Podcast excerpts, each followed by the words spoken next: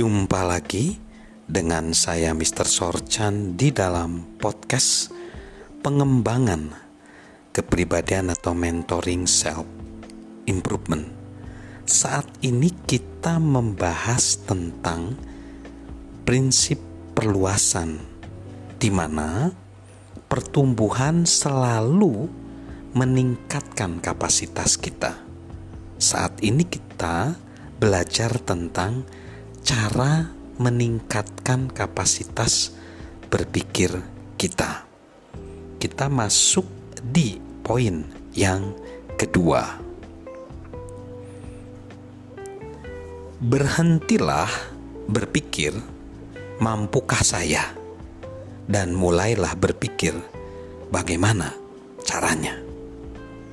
Sekilas, pertanyaan mampukah saya dan bagaimana caranya nampak sangat mirip. Namun sesungguhnya keduanya memberikan hasil yang jauh berbeda. Pertanyaan mampukah saya adalah pertanyaan yang berisi keraguan dan kebimbangan. Ini adalah pertanyaan yang memberikan batasan.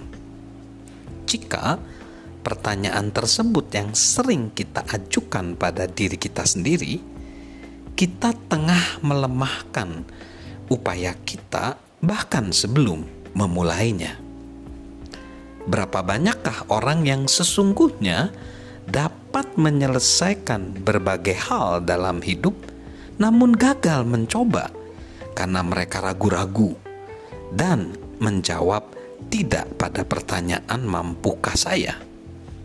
Saat kita menanyakan bagaimana caranya, kita memberikan kesempatan pada diri sendiri untuk meraih sesuatu.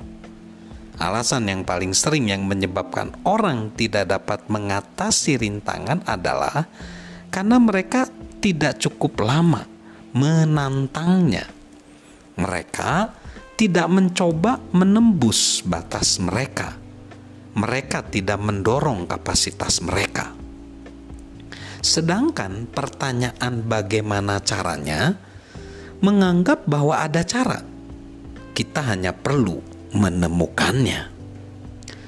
Sebagai seorang pemimpin muda, dulu John C. Maxwell ditantang oleh kata-kata dari Robert Schuller yang mengatakan, "Apakah yang akan Anda usahakan?" Bila Anda tahu bahwa Anda tidak dapat gagal? Bagi John, jawabannya jelas. Jauh lebih banyak dari yang saat itu sedang dia usahakan. Pertanyaan Skulur memaksa dia untuk berpikir di luar kotak. Pertanyaan itu membuat dia bersedia untuk mengambil lebih banyak resiko, menembus lebih banyak rintangan, menguji batas-batas dia sendiri itu membuat dia menyadari bahwa sebagian besar batasan kita tidak didasarkan pada kurangnya kecakapan, namun pada kurangnya keyakinan. Sharon Wood, wanita Amerika Utara pertama yang mendaki pegunungan Everest, menceritakan pengalamannya. Saya mendapati bahwa ini bukanlah masalah kekuatan fisik melainkan masalah kekuatan psikologis. Penaklukan ini terletak dalam pikiran saya pribadi untuk menembus rintangan dan batasan yang ditetapkan sendiri.